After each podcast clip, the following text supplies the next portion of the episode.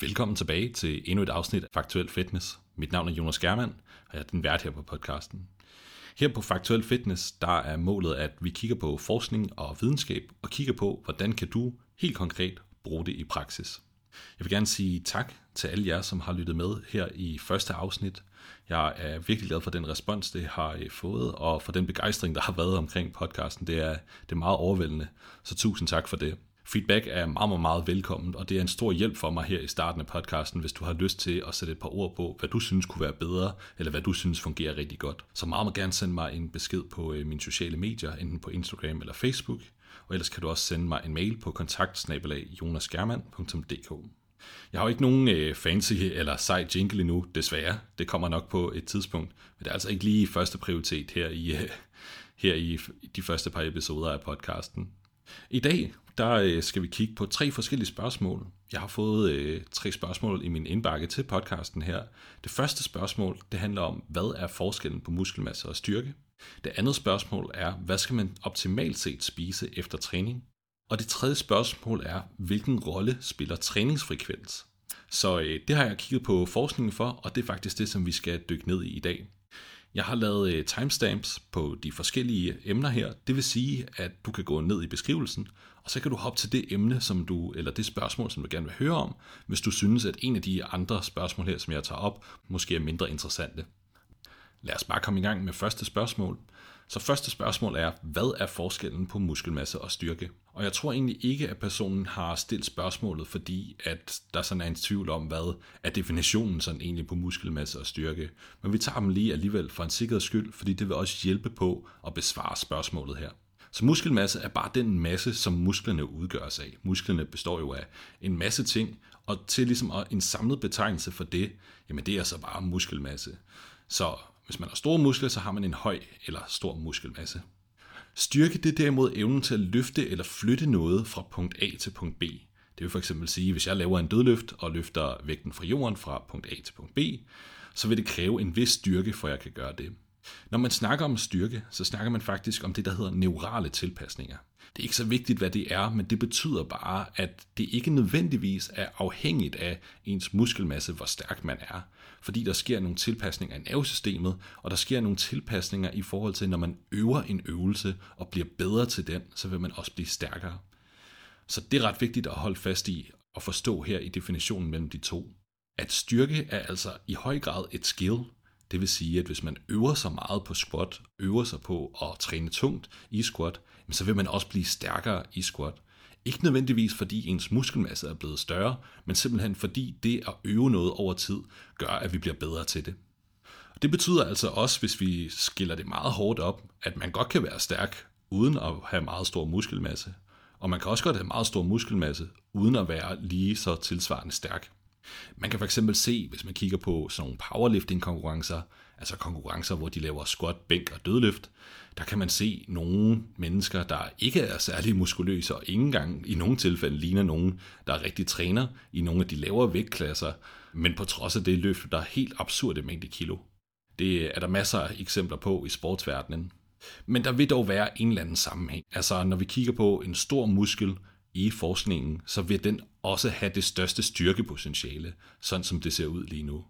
Det vil altså sige, at selvom man ikke automatisk er stærkere med en større muskel, så er der stor sandsynlighed for, at man er det, og styrkepotentialet for den muskel vil altså være større, jo større den er.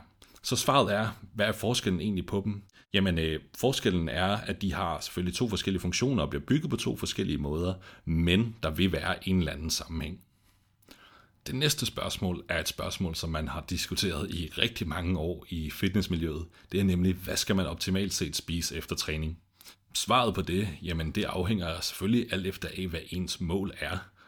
Men vi har efterhånden noget ret god forskning og ret god sådan teori på området, der kan give os nogle solide svar i forhold til, hvordan kan vi i hvert fald optimere de resultater, som vi får ud af vores træning ved at bespise noget bestemt efter træning. Så jeg kunne godt tænke mig at starte med en historie. Så øh, dengang jeg selv havde en coach på for rigtig, rigtig mange år siden, der blev jeg blandt andet sat til at tage det, der hedder maltodextrin. Og maltodextrin, det er bare sådan noget hvedestivelse. Det er en form for kulhydrat. Og ideen er ligesom, at når man indtager noget kulhydrat efter træning, jamen så genopfylder det det, der hedder glykogendepoterne i musklerne. Så når vi mennesker, vi træner, så øh, har vi noget sukkerstof i musklerne. Det er også det, man kalder glykogen. Det bliver brugt til, at musklen den ligesom kan trække sig sammen og spænde sig ud. Det vil altså sige, at når vi laver nogle øvelser, og vi laver noget træning, så brænder vi noget af det her glykogen af. Og teorien er ligesom så, at de her depoter, de er mest muligt tømte ved træning, og derfor skal vi fylde det op igen. Dengang, der øh, troede man, det var rigtigt. I dag, så kunne vi se i forskningen, at det er ikke helt tilfældet. Faktisk så kan vi se, at så tømte bliver vores glykogendepoter faktisk ikke efter en træning. Vi skal lave rigtig, rigtig meget træning, før at det giver mening at indtage noget kulhydrat, enten undervejs eller efter, især når vi snakker styrketræning. Så i dag, der behøver man faktisk ikke indtage hverken kulhydrat eller fedt for den sags skyld efter sin træning. Det er faktisk helt op til præference. Så er der selvfølgelig den helt store spiller, protein. Hvad gør vi der? Jamen, overordnet set så er det vigtigst at sige, protein og resultater, når det kommer ned til det, så er det vigtigste den samlede proteinindtag, man har på en dag. Det vil altså sige, at man gerne skal have de her 1,6 til 2,2 gram per kilo kropsvægt per dag, hvis man gerne vil optimere sine resultater. Og det gælder egentlig uanset om ens mål er styrke eller muskelmasse eller generel præstation inden for sport. Der kan vi se, at et højt proteinindtag det er en rigtig stor hjælp. Og det er også det vigtigste på den måde, at det trumfer, hvad jeg indtager efter træning. Det vil altså sige, at det er vigtigere, hvis jeg nu for eksempel skal indtage 200 gram protein om dagen, jamen det er vigtigere, at jeg indtager de 200 gram samlet set på dagen, end at den protein ligger lige efter træningen. Hertil kan jeg også lige tilføje, at 1,6 faktisk er ret højt sat. Vi kan se i forskningen, at der, hvor vi sådan maksimerer et udbyttet af vores protein, det er omkring sådan 1,2 gram per kilo kropsvægt per dag. Så sådan den, den forskel, der skulle være mellem 1,2 til 1,6, den er relativt lille. Så hvis man bare er sådan de, over de her 1,2, så er man altså et rigtig godt sted. Når vi snakker om protein efter træning, og hvad man skal spise efter træning, så er det også vigtigt at kigge på, jamen, hvad har man spist inden, og hvornår har man spist inden. Jeg anbefaler at se det som et 5 timers vindue rundt om ens træning. Det vil altså sige, når vi kigger på, hvad skal du spise omkring træning, hvor meget protein skal du have, jamen så skal vi også se det relativt til, hvad har du spist inden, og hvad har du spist efter. Fordi hvis man for eksempel spiser øh, 30-40 gram protein inden ens træning, jamen så vil man stadigvæk have protein i systemet til at stimulere proteinsyntesen, som er det, der hjælper på at øge ens styrke og muskelmasse, selvom man ikke får noget protein lige efter. Men det er klart, at hvis man ikke spiser noget protein inden, jamen så vil der være et større behov for noget protein efter, for netop at kunne stimulere den her proteinsyntese, og igen maksimere muskelmasse og styrke. Min anbefaling, den hedder, at man gerne skal have 20-40 gram protein efter træning. Så er man sådan et godt stabilt sted for de fleste. Hvis man gerne vil nørde det lidt mere og gå ned i detaljerne på, hvad litteraturen viser, så kan vi se, at et måltid cirka skal udgøres af 0,4 til 0,5 gram protein per kilo kropsvægt. Det vil altså sige, at en person, der vejer 80 kg, kan gå efter at få 40 gram protein efter sin træning, og en person, der vejer 60 kg, kan gå efter at få 30 gram protein efter træning. Så den her gamle tilgang med, skal man, man skal have noget protein efter træning, man skal ligesom drikke sin shake nærmest lige efter, jamen den er som mænd god nok. Vi ved bare i dag, at det her window of opportunity, som man kaldte det, altså det her, at lige efter træning, der tager kroppen rigtig godt imod protein, det er lidt mere en åben dør, end det er et lukket vindue lige efter træning. Det er lidt mere en dør, der hedder, okay, både op til træning, under træning og efter træning, er der faktisk en god mulighed for at få noget protein ind, som egentlig maksimerer resultaterne. Så hvis du bare får noget protein tæt på din træning, før og eller efter, så er du egentlig rigtig fint dækket ind.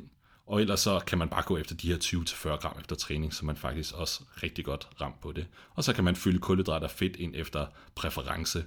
Der er ikke som sådan noget forskning, der tyder på, at vi skal have mere kulhydrat, eller vi skal have mere fedt.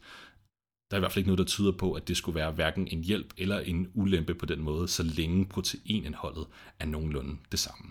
Så svaret er, hvad skal man spise efter træning? Svaret til det, det er 20-40 gram protein, så man som regel fint dækket ind. Okay, så hopper vi til sidste spørgsmål for i dag, og det er, hvilken rolle spiller træningsfrekvens? Okay, så først så skal vi lige have fundet ud af, hvad er træningsfrekvens? Træningsfrekvens er den frekvens, man gør et eller andet. Det er ikke nødvendigvis kun, hvilken frekvens man træner med, men det er også, hvilken frekvens træner man en bestemt muskelgruppe med, eller en bestemt øvelse med. Så hvis jeg for eksempel laver bænkpres en gang om ugen, så vil jeg have en lav frekvens på bænkpres. Hvis jeg laver bænkpres fire gange om ugen, så vil jeg have en høj frekvens på bænkpres. Og det er altså det, vi sådan typisk snakker om her, når vi snakker træningsfrekvens. Det er, hvor mange gange rammer vi en muskelgruppe, eller hvor mange gange rammer vi en bestemt øvelse. Man deler det typisk op i et split. Det vil altså sige, når vi kigger på, øh, hvordan træner vi sådan ligesom hele kroppen i løbet af en uge, så vil det for eksempel være, jamen træner man full body tre gange om ugen, altså hele kroppen tre gange om ugen. Man deler det måske op, sådan, så man kun træner brysten en dag, ryg den anden dag, og ben den tredje dag. Det vil være en lav frekvens. Så sådan hele det her med træningsfrekvens handler rigtig meget om, ofte gør man ligesom noget. Og øh, når vi kigger på litteraturen, så øh, det man så i gamle dage, det var, at der var fordele ved høj frekvens. Man så, at når folk trænede for eksempel hver muskelgruppe to gange om ugen minimum, så havde det større fordele, end hvis man kun trænede den en gang om ugen. Og der var også noget forskning, der tydede på, at helt op til tre gange om ugen, altså man trænede den, den samme muskelgruppe tre gange om ugen, havde fordele for styrke og muskelmasse. Det man ikke vidste dengang, det var, at man ikke havde matchet volumen og intensiteten. Så meget kort forklaret, så betyder det, at de har ligesom glemt at tage højde for, hvor mange samlede sæt laver en person per uge, for at ligesom at kunne sammenligne helt korrekt, hvad er det for et resultat, vi får. Grunden til, at det er vigtigt, det er fordi, at volumen, altså antal sæt, man laver per uge, er noget af det, vi kan se har en sammenhæng mellem styrke og muskelmasse. Så hvis jeg for eksempel laver øh, tre sæt om mandagen, så vil jeg jo have en lav frekvens, hvis jeg ikke laver noget resten af ugen til for eksempel bryst, så tre sæt om mandagen til bryst. Men hvis jeg så også laver tre sæt om torsdagen, så har vi lige pludselig en volumen på seks sæt om ugen. Og det er jo klart, at hvis jeg sammenligner de to og siger, jamen frekvensen er højere, jeg træner bryst to gange om ugen, så vil det jo give et bedre resultat, fordi jeg laver seks sæt frem for kun tre sæt om mandagen. Det man har gjort i nyere studier, det er, at man har taget og så sagt, hvad sker der, hvis man laver præcis den samme mængde? Altså, jeg laver seks sæt om mandagen, eller jeg laver tre sæt mandag og torsdag, uanset hvad, så er den samme mængde i slutningen af ugen den samme. Sådan så volumen er den samme, og jeg træner lige så hårdt i de sæt, som der nu er. Hvad sker der så? Jamen den nyeste forskning viser så, at så sker der faktisk ikke super meget. Og det betyder, at øh, resultaterne for muskelmasse og styrke er nogenlunde de samme, hvis bare man laver den samme mængde og træner det lige hårdt.